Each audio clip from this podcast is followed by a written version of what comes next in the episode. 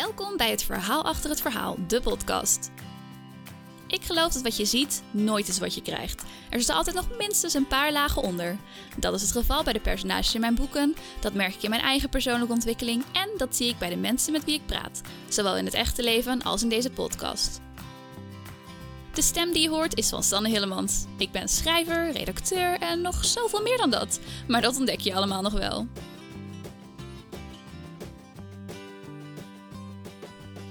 Nou, daar is hij dan. De eerste podcast.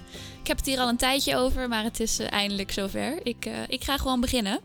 Ik heb veel te delen. Um, misschien meer dan je op het eerste oog zou zien of zou denken. Um, ik merk dat in dialogen met vrienden um, komt mijn wijsheid er vaak wel uit. Maar ik vind monologen iets lastiger. Dus ja, ik dacht, hoe los ik dat op? Hoe kan ik dat eens oefenen? Een podcast. Voordat ik begin met het uh, onderwerp van deze podcast, en dat ben ik zelf, wil ik eerst even kort vertellen waar de naam vandaan komt. Het verhaal achter het verhaal. Um, die term begon eigenlijk bij het eerste boek dat ik uh, uitgaf, Voor Altijd 20, die gratis te downloaden is op mijn website, shameless plug. um, daarin op het eind wil ik graag vertellen hoe het verhaal tot stand was gekomen. Want heel vaak zie je zo'n nawoord van, oh bedankt, bedankt, bedankt. Nou, dat is allemaal leuk en aardig, maar ik wil altijd liever horen hoe, hoe iemand op zo'n verhaal is gekomen of um, hoe het schrijven is gegaan. Um, dus dat is eigenlijk mijn idee. Ik wilde wat meer vertellen over het proces zelf. En dat deed ik in het nawoord, dat noemde ik het verhaal achter het verhaal. En het is niet gebleven bij het eerste boek. Dat heb ik uiteindelijk in alle boeken opgenomen, zodat iedereen een beetje een kijkje krijgt achter de schermen. Um, en het is eigenlijk een ideale titel voor de podcast. En het bleek ook nog eens echt een term te zijn die past bij hoe ik naar het leven kijk. Um, en daar kwam ik eigenlijk pas achter toen ik überhaupt nadacht over wat is mijn visie? Waar moet deze podcast over gaan? En dat is echt het feit dat er altijd zoveel meer is um, dan je in eerste oogopslag kunt zien. Dus ja, dat is eigenlijk waar die naam uh, vandaan komt. Deze eerste podcast wil ik gebruiken om wat meer over mezelf te vertellen. Uh, afgelopen weekend was ik bij een uh, evenement, of was ik bij, heb ik vanuit mijn huis een evenement van Tony Robbins gevolgd. Um, en een van de dingen die daar even ter sprake kwam, is eigenlijk dat elke kleine beslissing een immense impact kan hebben op je leven. Dus dat het nemen van beslissingen ook heel erg belangrijk is. um, maar aan de hand daarvan kreeg ik het idee om iets te vertellen over mijn leven aan de hand van vijf beslissingen die ik heb genomen, um, die uiteindelijk grote gevolgen bleken te hebben. Maar op dat moment zelf wist ik dat misschien nog niet. Ik vind het wel grappig, want tegenwoordig, als je mensen leert kennen, dan hebben ze al een heel leven geleid.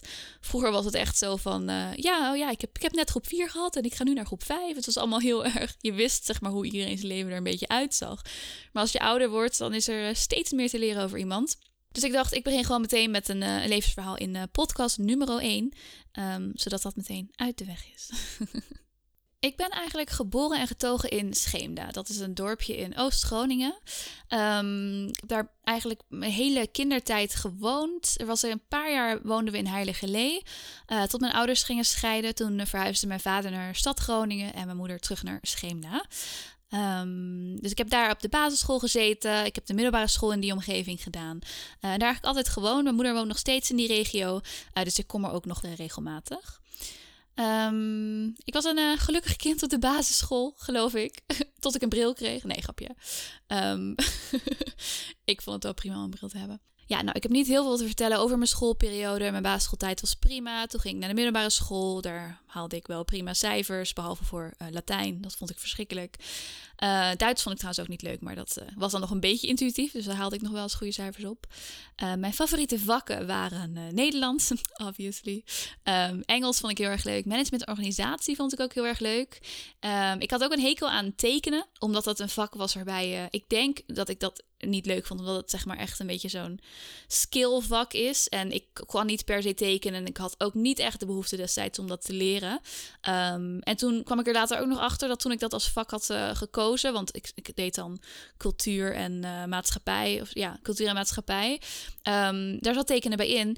Maar toen kwam ik erachter dat ik dan ook nog eens eindexamen moest gaan doen in kunstgeschiedenis. Nou, um, ja, dat is niet mijn favoriet. ik vind, ja, dus meteen confession time. Ik vind musea ook niet leuk. Um, ik begrijp musea niet. Ik denk dat ik ze nu iets beter zou kunnen waarderen, omdat ik dan zelf gewoon allemaal verhalen zou bedenken bij de schilderijen. En omdat ik geschiedenis iets leuker ben gaan vinden.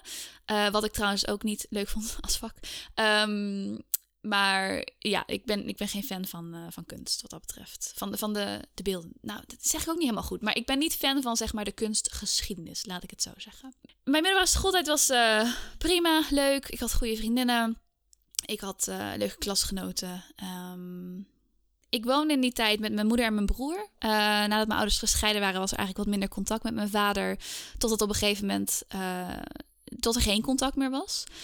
Tot op een dag um, ja, ga ik dit nu herbeleven in de podcast? I guess. Tot er op een dag uh, politieagenten voor de deur stonden om ons te vertellen dat hij overleden was. Uh, dus mijn vader is overleden toen ik in de, wat was het, de, de derde zat, denk ik. Ja, de derde klas. Geen idee hoe oud je dan bent, maar uh, je hebt je vast een beeld bij. Ik had toen dus al eigenlijk geen tot weinig contact met hem. En daarbij was ik een enorm gesloten puber die dacht dat emoties iets was uit films.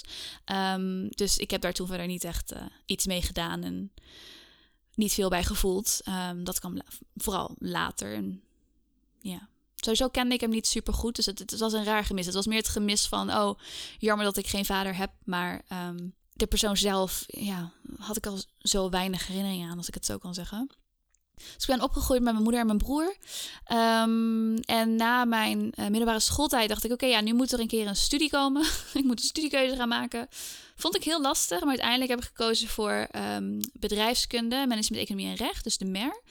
Uh, mijn moeder die woonde best wel dicht bij Groningen. Het was een half uurtje met de trein. Uh, dus dat, dat, was op zich prima te doen. Maar mijn broer die was al um, die was ergens in, in zijn eerste studiejaar um, was hij op kamers gegaan in Groningen.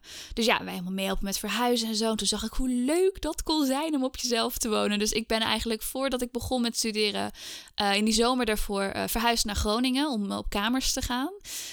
Um, ik was toen nog 17. Ja, wow, ik was ja, ik was 17. Ik ben om 17 uit huis gegaan en op mezelf gaan wonen. Nou, um, de kleur van de muren van mijn eerste kamer waren knalroze. um, maar dat was, ja, dus dat was de eerste keer dat ik op mezelf woonde. En ik begon toen aan het eerste jaar van de MER. En dat eerste jaar heb ik met, uh, met succes afgerond. Um, na dat eerste jaar had ik mijn propedeuse. En met een HAVO-diploma en de propedeuse kan je eventueel naar de universiteit. Op dat punt dacht ik, nou weet je, dat is wel zo goed als ik dat doe. Dus um, het voelde als beter, de universiteit. Um, dus ik besloot toen dat ik dat wilde doen. Maar mijn broer die studeerde op dat punt bedrijfskunde aan de universiteit. En dat was natuurlijk op zich het equivalent van wat ik studeerde op het HBO. Alleen het, leek me niet leuk. de boeken die hij had waren zo droog. De stof was zo droog. En dat, dat zag ik helemaal niet zitten. Dus toen heb ik besloten om uh, psychologie te gaan studeren aan de universiteit. Omdat ik wel graag naar de universiteit wilde. Dus met die hoppenduizen op zak ben ik uh, psychologie gaan studeren. Na twee jaar psychologie had ik um, eigenlijk even een uh, pauzemomentje. ik had namelijk één vak uit het eerste jaar van psychologie nog niet gehaald. En in die tijd um, was het niet de regel dat je dan moest stoppen met je opleiding. Maar moest je, ik moest gewoon eigenlijk wachten tot ik dat vak had gehaald. Uh, en dat vak werd natuurlijk pas in het vierde blok van het jaar aangeboden. Waardoor ik basically een jaar had waarin ik iets anders moest gaan doen. Uh, dat vak was trouwens biopsychologie. Biologie vond ik ook niet een geweldig vak. Ik merk dat ik veel vakken niet leuk vond.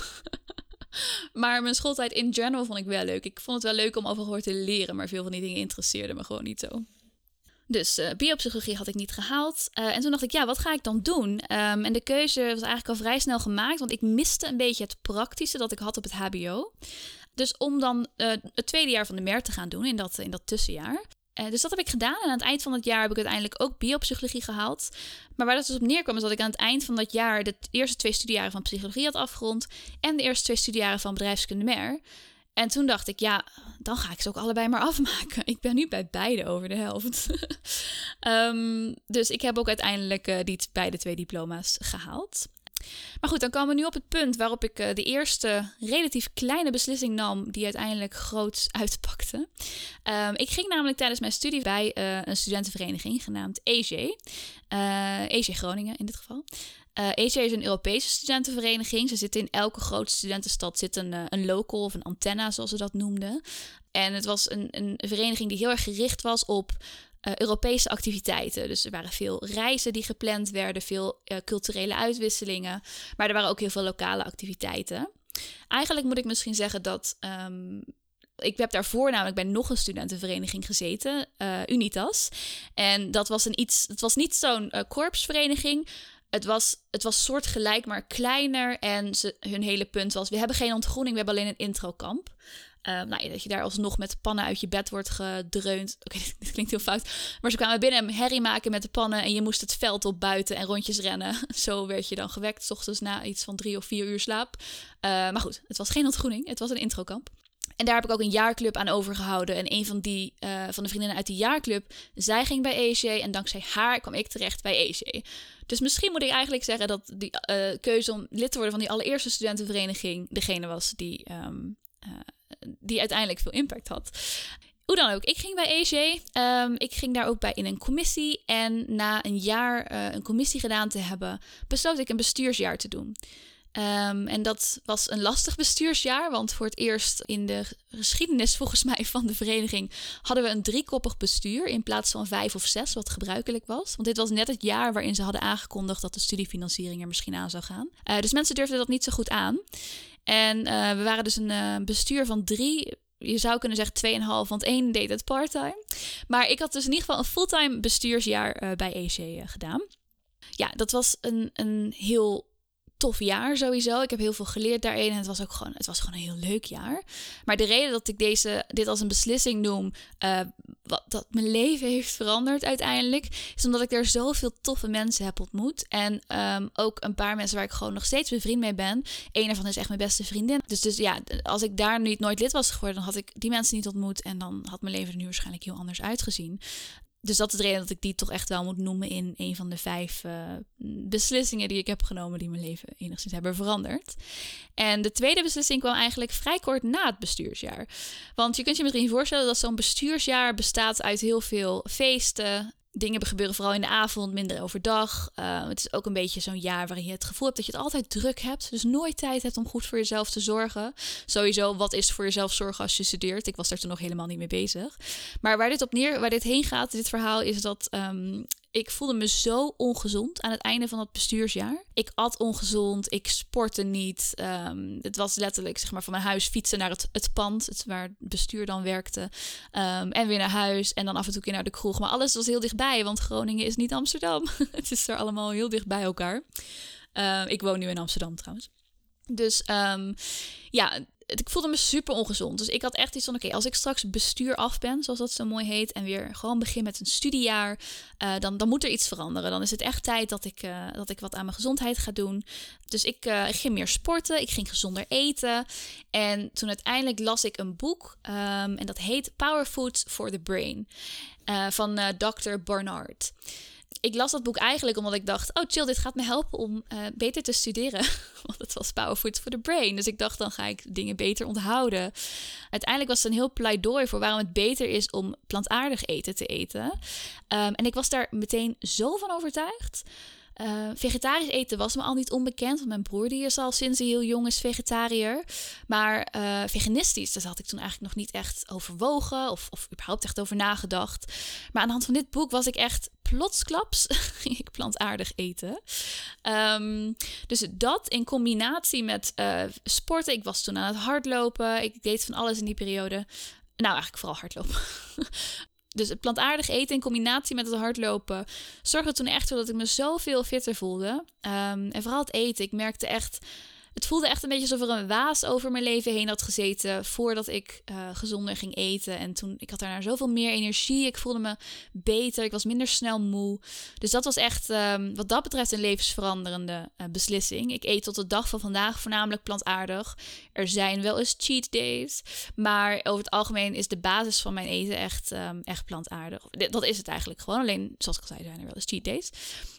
Dus dat, en dat helpt me heel erg in uh, energiemanagement. Dus ja, dat, dat was echt een hele, hele goede um, beslissing destijds. Nou, tijdens mijn studie um, moest ik ook een stage lopen. Dat moest voor um, bedrijfskunde MER. Daarvoor moest ik een stage lopen. En ik wist precies wat ik wilde. Ik wilde een stage lopen in Frankrijk. Want ik sprak al een beetje Frans van de middelbare school. Dat was natuurlijk heel ver weggezakt. Maar ik dacht, dat lijkt me leuk om dat beter te leren. Ik vind Frankrijk leuk, vooral omdat ze Frans spreken. Uh, dus ik ga stage lopen in Frankrijk. Nou, toen ging ik samen met een vriendin naar een buitenlandbeurs. Waar ze allemaal steentjes hadden om te vertellen over de verschillende stages en buitenlandbanen die zij aanbieden. En ik ging eigenlijk letterlijk van steentje naar steentje om te vragen: bieden jullie stages aan in Frankrijk? en nadat ik op ongeveer de helft van al die steentjes was en telkens weer een nee te horen kreeg, dacht ik: weet je wat, misschien moet ik me wat meer openstellen op deze beurs en gewoon eens kijken wat ze dan allemaal wel aanbieden. Ik denk uiteindelijk ook dat de reden dat er weinig standjes waren met stageplekken in Frankrijk is omdat voor een stage in Frankrijk moet je eigenlijk echt gewoon al wel een aardig woordje Frans spreken. En ik zat toen op het punt dat ik dat absoluut niet over mezelf durfde te zeggen, want het was jaren geleden dat ik het had geleerd en um, het, het, voelde heel uh, rusty, zeg maar. Dus ik wilde vooral daarheen om Frans te leren. Maar ja, ze hebben daar natuurlijk liever mensen die het al een beetje spreken, want het blijven wel Fransen. Hoe dan ook, ik ging dus de reis verder in die, op die beurs en ik ging uh, vragen: wat bieden jullie wel aan? En het eerste tafeltje waarbij ik dat deed, uh, daar boden ze stages aan naar Indonesië. Um, of dat bieden ze aan, dat bemiddelen ze dan in. Um, dus ik raakte helemaal in gesprek met die, uh, met, die, met die meid die daar achter de tafel stond. En ze vertelde heel gepassioneerd over hoe fantastisch het daar wel niet was. En hoe fijn het ook was, omdat het een stuk goedkoper is dan een stage in Europa bijvoorbeeld. En ze, was, ze had me helemaal overtuigd. Dus het eerste tafeltje waar ik iets anders vroeg dan bieden jullie ook stage zijn in Frankrijk en gewoon vroeg wat bieden jullie aan. Ze noemde Indonesië en ik dacht ja, Indonesië, waarom niet? Wat een idee, wat een concept. Dus um, ik heb stage gelopen in Indonesië. ja, dit, ik, ging, uh, ik ging mijn spullen pakken en ik boekte een ticket naar Jakarta. Ik heb in Jakarta stage gelopen. En dat is de, de derde, de derde beslissing die ik heb genomen, waarvan ik echt denk, die was uiteindelijk life-changing om, om meer dan één reden. Kijk, het leven daar was natuurlijk, het was echt fantastisch. Het is zo anders dan in Nederland of überhaupt dan in Europa. Dus in het begin, weet je, ik was helemaal voorbereid op een cultuurshock. Maar de eerste les die ik daar eigenlijk leerde is dat dat als je enigszins flexibel bent, dan kan je overal leven. Weet je, mensen zijn overal hetzelfde, maar de culturen die verschillen. Dus ik, ik was daar helemaal. Kijk, de eerste week moet ik wel zeggen, was ik echt een beetje van me doen. ik had dit best wel goed aangepakt, mijn stage. Ik had van tevoren al een account aangemaakt op Couchsurfing. Om daar een oproepje op te zetten van: hé, hey, ik zoek vrienden. Want ik verhuis naar, naar deze stad in een land waar ik niemand ken, aan de andere kant van de wereld. Toen wist ik nog niet dat Indonesiërs het erg statusverhogend vinden om een blanke vriend of vriendin te hebben. Dus gewoon om daarmee om te gaan, om die in hun netwerk te hebben. Dus ik kreeg echt ziek veel berichten al van tevoren. Dus ik koos daar dan een paar van de mensen uit die het beste Engels spraken. Want het leek me toch wel fijn om te kunnen communiceren met mijn nieuwe vrienden. Dus uiteindelijk had ik echt. Ik, de eerste paar dagen ben ik alleen maar naar Pizza Hut geweest. Om daar en pizza, maar ook gewoon bij de salad bar, zeg maar, uh, eten te halen. En eh, wat heb ik nog meer? Ik heb in de supermarkt gewoon fruit en dingen gehaald. Maar ik was daar zo, ik wist gewoon niet waar ik eten kon halen. Um, dus ik was heel blij toen ik voor de eerste keer had afgesproken met een van die vrienden van Couchsurfing. Want zij heeft toen aan het eind van, de, van onze afspraak had ik, had ik verteld van ja, ik, ja, ik weet eigenlijk niet zo goed uh, waar ik hier in de buurt het beste eten kan halen. Dus toen was ze meegenomen naar zo'n tentje uh, en had ze daar eigenlijk in het Indonesisch aan de mevrouw helemaal verteld van dit is Sanne, als zij hier komt, dan wil ze graag eten en het moet allemaal plantaardig zijn. En dus schep maar wat voor op en dan en het komt helemaal goed. Dus ik was haar heel dankbaar, want daarna ben ik echt heel vaak naar dat tentje gegaan en heb ik daar mijn eten gehaald in Indonesië is het sowieso heel gebruikelijk dat je een soort van ja, buffetachtig restaurant hebt. Heb je in Nederland zie je het ook wel bij Indonesische restaurants. Dat je zeg maar zo'n. Ze noemen dat daar een. Um, een touchscreen menu. Dus dat je eigenlijk gewoon op het glas van zo'n vitrine aanwijst: ik wil dit en ik wil dit en ik wil dit. dus ik was heel dankbaar dat ze me had geholpen om daar uh, in ieder geval een plek te vinden waar ik eten kon halen. Ik begon met een stage in een hotel en dat beviel niet zo goed. Uh, dat was een stage op de marketingafdeling. En al vrij snel toen ik daar was, bleek dat ik daar niet echt iets te doen zou gaan hebben. Uh, de mensen waren heel leuk, maar het was gewoon, ik zou daar letterlijk de hele dag aan het niksen zijn geweest. Dus ik heb uh, contact opgenomen met het bedrijf die stage voor me had geregeld en gevraagd of er een alternatief zou zijn. Uh, en dat was er, maar dat was aan de andere kant van de stad. Dus ik ben na, wat was het, twee of drie weken of zo, uh, weer verhuisd binnen Jakarta. Naar de andere kant van de stad. En daar kreeg ik een stage in een skyscraper bij de, de Indonesische Kamer van Koophandel. En dat was heel anders. Uiteindelijk ook wel een stage waar ik niet superveel hoefde te doen, maar het was wel, was wel een stuk meer op niveau. En de mensen waren ook wat meer op niveau, als je dat zo mag zeggen. Dus dat was uiteindelijk heel erg leuk. En wat ook nog wel even kort leuk is om te vertellen. Ik kom nog op het punt hoor, waarom ik dit allemaal zo life-changing vond. Behalve dat het een heel andere cultuur was. Maar wat ook wel heel erg leuk was, is dat ik had dus een van, die, van de nieuwe vrienden gevraagd om me te helpen een andere woning te vinden aan de andere kant van de stad. En hoe ze dat daar doen is zo anders dan hier. Weet je, hier gaan we het internet op of gaan we naar een makelaar. Maar daar loop je gewoon een wijk in klop je overal aan. En je vraagt gewoon, hebben jullie hier nog een kamer? En je komt natuurlijk niet op random huizen aan. Er hangen vaak wel dingen buiten waardoor je weet dat het een soort van boarding house is. Um, dus dat zijn dan gebouwen met allemaal... Het is een beetje hotelachtig, maar dan langdurig uh, verblijf. Dus echt een beetje een, uh, een boarding house. En dus zijn we gewoon bij een paar langs gegaan, gevraagd of ze kamers vrij hadden. En uiteindelijk uh, mijn spullen met een taxi daarheen verhuisd. Ja, dat was een hele leuke ervaring ik kan, nog, ik kan nog blijven doorpraten over Indonesië, maar dat uh, misschien ooit een andere podcast. Laat me vooral weten als je daar wel meer over zou willen weten. Dan uh, ga ik allemaal oude blogs erbij pakken en, en jullie er meer over vertellen. Maar voor nu um, even door naar waarom dit een belangrijke keuze was. Tijdens mijn stage allereerst heb ik gesproken met iemand die me een hele goede vraag stelde. Dat was de, de baas van de afdeling daar. En die vroeg eigenlijk twee dingen. Wat zou je doen als je geen tijd en geld had? En hoe wil je herinnerd worden als je dood bent? En dat waren vragen die had ik voor die tijd nog nooit gehoord. Nu hoor ik het overal. Nu ben ik veel meer bezig met persoonlijke ontwikkeling en zie ik al die dingen voorbij komen. Dus nu hoor ik zo'n vraag heel vaak. Maar toen ik het voor het eerst hoorde, dacht ik echt: wow, ja, wat wil ik? En dit was ook het punt waarop ik helemaal in zo'n beetje eh, quarter-life crisis zat. Want ik was bijna klaar met mijn studie. Ik moest hierna nog maar één stage en dan was ik basically klaar. Dus ik had zoiets van, ja, wat, wat, wat moet er daarna gebeuren? Wat wil ik met mijn leven? En toen hij me die vragen stelde, voelde ik heel erg dat ik meer moest gaan doen met schrijven dit was het zaadje. Ik heb er hier nog niks mee gedaan, maar hier werd wel het zaadje geplant van ja, als ik mijn hele leven, als tijd en geld geen obstakels waren, dan zou ik waarschijnlijk gewoon mijn hele leven schrijven. Dus dat uh, was een inzicht waar ik straks op terugkom. Na mijn stage heb ik uh, nog een tijdje rondgereisd in Zuidoost-Azië, anderhalve maand om precies te zijn. Nou, dat was natuurlijk ook fantastisch. Nogmaals, daar ga ik nu even niet over uitweiden. Uh, maar een van de dingen die ik heb gedaan tijdens al die reizen was een uh, stilte retreat in Thailand. En eigenlijk, ik had zoiets van, ik wil graag leren mediteren. Dit klinkt als iets wat, wat ik kan gaan doen, wat, wat bij me zou passen. Ik had het nog nooit gedaan, ik wist er niks van. Dus ik dacht, weet je wat, ik ga tien dagen in stilte in een retreat om het te leren.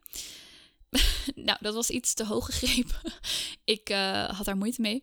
Maar uh, het is uiteindelijk een paar keer gelukt om goed te mediteren. Wat in mijn hoofd dan in ieder geval goed mediteren was. Maar de reden dat ik dit zo life-changing noem, is omdat ik daar uh, eigenlijk ook in aanraking ben gekomen met yoga. Elke ochtend begonnen we daar met yoga. En daarvoor had ik nog nooit yoga gedaan. Dus dat was helemaal nieuw voor mij. Ik had wel eens een Pilatesles gedaan, maar dat was het wel zo'n beetje. En die yoga, die, die was me heel erg bijgebleven. Dus toen ik terugkwam naar Nederland, uh, ben ik hier yoga blijven doen. En heb ik me steeds meer daarin verdiept. En tot op de dag van vandaag is dat iets dat niet uit mijn systeem is gegaan. En waar ik nog altijd zoveel meer over wil leren. En wat ik zoveel vaker wil doen. Dus dat heeft me dat onder andere uh, gebracht. Na mijn stage in Indonesië was het tijd voor uh, een tweede stage. Dus ik dacht, nou, dan kan ik die mooi in Frankrijk gaan doen. Maar ondertussen had ik nog steeds geen aandacht besteed aan mijn Franse taalvaardigheid. Dus wat ik uiteindelijk heb gedaan, is zomerwerk gedaan in Frankrijk. Ik begon met het werk op een camping. Nou, dat beviel me uiteindelijk niet zo goed, dus daar ben ik uh, vrij snel mee gestopt.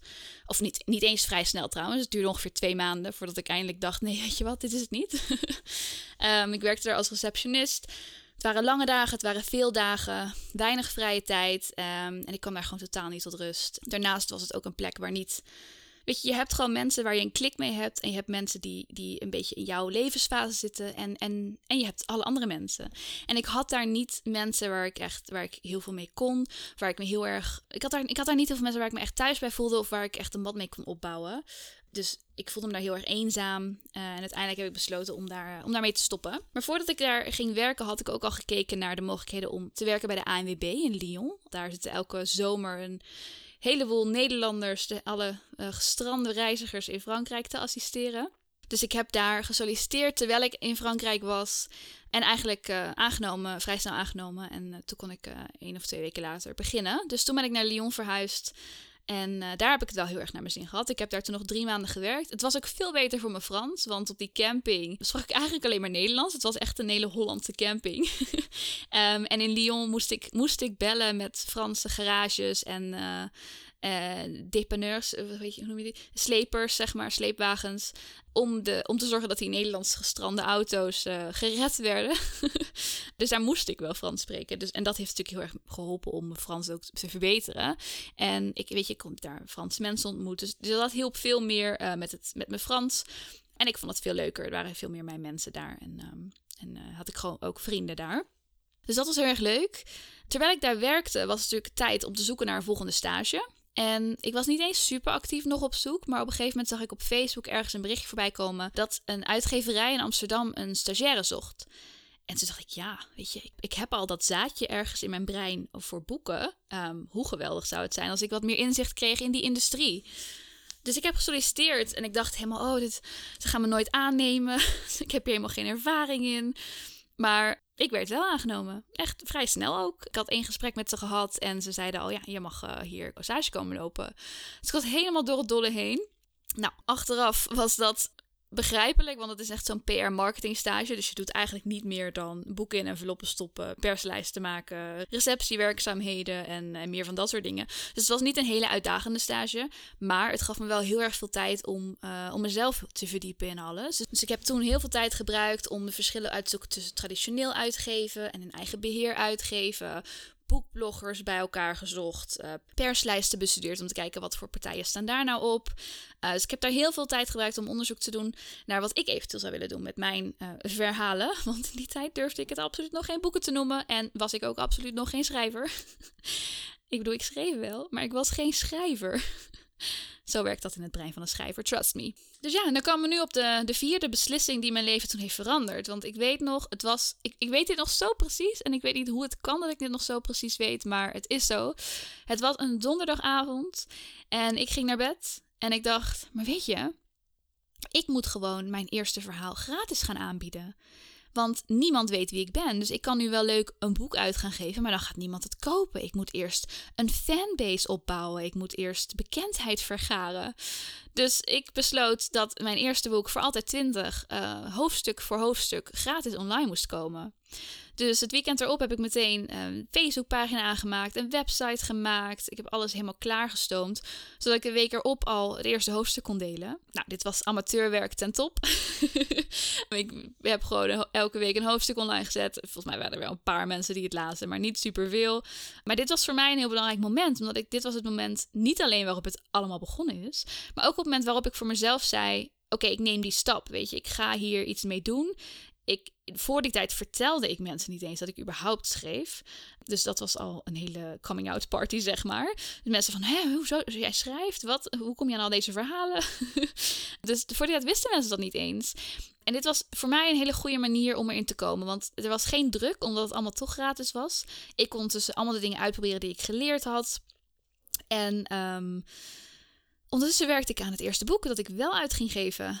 Dus ja, dit is eigenlijk wat allemaal begonnen is. Daarna volgde er nog een boek en nog een boek en uiteindelijk nog een boek. Maar dit was het moment waarop ik uh, die, die wereld indook. En daar is zoveel moois uitgekomen. Ik bedoel, mijn hele leven bestaat nu uit alles wat daaruit is voortgekomen. Dus vandaar dat dit, dit is denk ik echt een van de belangrijkste beslissingen geweest. Vrij snel daarna ontmoette ik uh, Simone Lucchesi. Zij had toen een uh, webshop, de Black Sheep Indie, waarin ze zich richtte op boeken die in eigen beheer uitgegeven waren. En samen met haar heb ik toen de Indie Awards opgericht, een prijsuitreiking voor boeken die in eigen beheer uitgegeven worden. Ik ben ondertussen al jaren lid van de schrijf- en, en leescommunity, waar ik al die mensen al heel lang van volg op Twitter en Facebook en Instagram en waar je ook maar mensen kunt volgen. Ik heb er zoveel vrienden aan overgehouden. Dus ja, dus dit is echt iets wat, uh, wat mijn leven is gaan vormen. Weet je, inmiddels bied ik allemaal werkzaamheden aan als redacteur en vormgever aan andere mensen die boeken in eigen beheer uitgeven. Uh, en inmiddels trouwens ook voor een paar kleine uitgeverijen.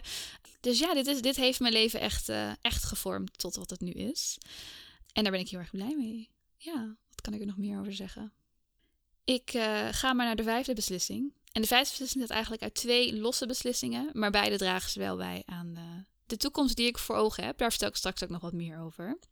Na mijn stage ben ik gaan werken bij eh, ING in Amsterdam. Ik, uh, ik had al bij ING gewerkt toen ik nog in Groningen woonde en studeerde. Als bijbaan was ik daar telefonisch hypotheekadviseur in Groningen. En toen ik in Amsterdam woonde, bleek dat ze die hele afdeling naar Amsterdam hadden verhuisd. Dus het kwam echt perfect uit. Ik solliciteerde met: hey, hier, ik ben hier, ik heb al anderhalf jaar ervaring hiermee. Dus ik bied me aan als kracht. en um, toen namen we aan. Dus uh, nou, toen ben ik vrij snel daar ook de opleiding gaan geven. En um, ik voelde me daar op zich helemaal thuis. Alleen het bleek ook na ongeveer anderhalf jaar dat ik zoiets had van ja, ik voel me hier wel thuis, maar ik weet het ook allemaal al. Ik leer hier niet zoveel meer. Um, het voelde niet echt als een uitdaging. Ik haalde er niet meer zoveel uit als ik zou willen. Maar ik had daar wel een hele fijne positie. Zowel op de afdeling als uh, financieel gezien. Dus het was heel lastig om daar ontslag te nemen of om een andere baan te gaan zoeken. Want bij al die banen ging ik dan het salaris vergelijken. En ja, ik werkte bij een financiële instelling. Ik had een paar keer opslag gekregen omdat ik het nou helemaal zo goed had gedaan. Dus het, het was heel moeilijk voor mij om de keuze te maken om van veel geld naar weinig geld te gaan. Om het maar even bot te zeggen. Dus wat ik deed, is ik nam ontslag zonder een baan te hebben. Want in plaats van dan van veel geld naar weinig geld te gaan, ging ik van geen geld naar wel geld. En dat was positief. ik wist al dat ik um, recruiter wilde worden. Dat was een baan die me eigenlijk al aansprak sinds ik studeerde. Toen, sinds ik zeg maar zelf om tafel ging met uh, recruiters om uh, bijbaantjes te krijgen. En dus ik wist dat ik dat heel graag zou willen doen. En ik wist ook dat er altijd wel werk was in recruitment, want er zijn altijd superveel vacatures voor. Dus ik dacht, weet je wat, ik neem vast ontslag dan heb ik niks meer en dan moet ik wel een baan aannemen met een lager salaris, want dan heb ik in ieder geval geld om mijn huur te betalen. Zo gezegd, zo gedaan. Dit klinkt misschien voor veel van jullie heel risicovol en oh my god, hoe heb je dat gedaan? Maar mindset-wise was dit uh, de manier om voor elkaar te krijgen wat ik wilde. En dat was gewoon een andere baan waarin ik weer dingen ging leren en waarin ik mezelf kon uitdagen. Dus ik ging aan de slag als uh, recruiter bij Level Up Ventures in Amsterdam. Een uh, start-up die andere start-ups en scale-ups helpt aan nieuwe krachten. En dan vooral um, IT-functies, dus tech-functies. Ja, dit was, het was zo'n ander bedrijf. Het stond zo scherp in contrast met ING. Het ING is natuurlijk een enorm bedrijf, vrij corporate. En zo'n start-up is gewoon echt heel chill. Het is hard werken en het is jezelf echt heel goed ontwikkelen. Maar allemaal gewoon op een hele chille manier. En het, het was ook echt een heel hecht team waar ik in kwam. En ik leerde daar zoveel over mezelf. Het was, weet je, soms heb je van die banen waarbij je eigenlijk constant een beetje een masker op moet houden. En het was hier allemaal heel open en eerlijk. En je kon over alles praten. Over alles werd ook gepraat.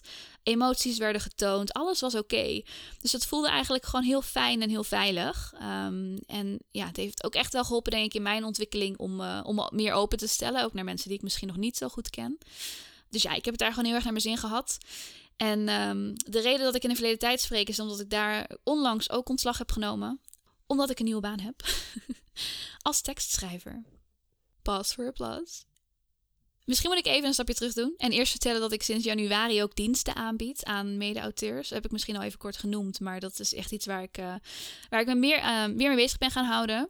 En er kwamen ook steeds meer aanvragen binnen. En ik merkte dat ik daar zoveel plezier uit haalde. En dat ik eigenlijk gewoon veel meer bezig moet zijn met alles wat met woorden te maken heeft. Alles wat ik zo leuk vind daaraan. Ondertussen had ik via bij Level Up heb ik ook wel eens, weet je, heb ik blogs geschreven of e-mails of vacatureteksten. Dus ik was daar al bezig ook met schrijven af en toe. En op de een of andere manier kwam ik ook steeds weer meer dingen tegenover tekstschrijvers en copywriters. Wat eigenlijk natuurlijk gewoon hetzelfde woord is, maar dan een andere taal. Um, dus ik dacht, dit is, dit is iets wat ik, wat ik moet gaan doen. Ik, ik had me eigenlijk nooit echt beseft, oh, je kunt echt copywriter worden. Dit is een, een baan. Dit is dit is iets wat ik, waar ik geld voor kan verdienen. Ik weet niet, het was gewoon nooit in me opgekomen. Maar op een gegeven moment kwam het toch weer steeds op mijn pad. Ging ik er iets meer naar zoeken ook. En heb ik een paar keer gesolliciteerd op vacatures waarvan ik dacht, nou, het zou leuk zijn, maar waarschijnlijk nemen ze me niet aan. Dat klopte, ze namen me ook niet aan. Maar uh, toen vond ik een vacature bij een uh, bedrijf waar ze een tekstschrijver zochten. Ook voornamelijk om vacatureteksten te schrijven. Dus ik dacht, hé, hey, dat heb ik al gedaan. Dus die link was er heel erg. Dus ik heb daar ook gesolliciteerd en daar ben ik aangenomen. Dus begin november start ik daar als tekstschrijver en dat is een functie voor drie dagen in de week. Iets waarvan ik eerst dacht, oeh, maar waarvan ik nu denk, ja. Want dat geeft me namelijk heel veel ruimte om mijn freelance werkzaamheden nog verder uit te breiden. In de afgelopen paar maanden is het echt heb ik zelf er veel meer actie op ondernomen. Maar daardoor is het ook echt goed gegroeid en verdien ik er echt geld mee ook. ik bedoel, eerst verdiende ik er wel wat geld mee, maar nu komen, blijven de opdrachten eigenlijk een beetje binnenkomen. En ik ben er echt ontzettend dankbaar voor. En dat zorgt er ook voor dat ik echt realiseer dat dat is wat ik, waar ik zo gelukkig van word. Dus ik wil er ook naartoe werken om steeds meer te gaan freelancen. Maar voor nu is het heel fijn om een basis te hebben ook van een, een vaste baan voor drie dagen in de week. Waarmee ik gewoon alle vaste lasten eigenlijk kan betalen. Maar mocht ik nog iets willen sparen of een beetje buitensporen willen leven, dan zal ik goed mijn best moeten doen met mijn freelance werkzaamheden. Dus ja, dus ik heb volgens mij helemaal niet gezegd wat nou dan die vijfde grote beslissing was. Maar dat is eigenlijk dus dat ik twee keer ontslag heb genomen van een baan. En uiteindelijk hebben die twee beslissingen me geleid tot het punt waarop ik nu ben. En dat is dat ik ga beginnen aan een baan als tekstschrijver. En dat ik mijn freelance werkzaamheden uitbreid. Ondertussen ga ik ook een opleiding doen tot, uh, tot tekstschrijver. Uh, om gewoon die business meteen vanaf het begin af aan professioneel op te kunnen zetten. En um, ik heb er helemaal zin in. Misschien ook leuk om uh, kort iets te vertellen over hoe ik mijn toekomst voor me zie. En ik moet zeggen, dit is iets wat. Nou, ik zal niet zeggen dat het vaak verandert, want eigenlijk is het altijd wel een beetje hetzelfde geweest, maar het is opeens heel concreet geworden. Hoe ik het namelijk voor me zie, is dat ik uiteindelijk genoeg opdrachten binnen kan halen met het freelancen en, en continu genoeg opdrachten heb om mijn baan weer eens op te kunnen zeggen. En het heel slecht dat ik daar nu al aan denk. En ik weet ook helemaal niet op wat voor termijn dit zal zijn. Maar uh, uiteindelijk zou dat een fijn doel zijn. Om vervolgens ook mijn huur op te zeggen. Een ticket te boeken naar Bali. En uh, lekker de Digital Nomad Life aan kan gaan. Ik heb Bali al bezocht toen ik in Indonesië woonde. En ik was helemaal verliefd op die plekken daar. Ik zou ook graag. Ik, ik heb ook niet zoiets dat ik denk, ik wil graag op Bali wonen. Maar ik wil gewoon graag locatie onafhankelijk gaan werken.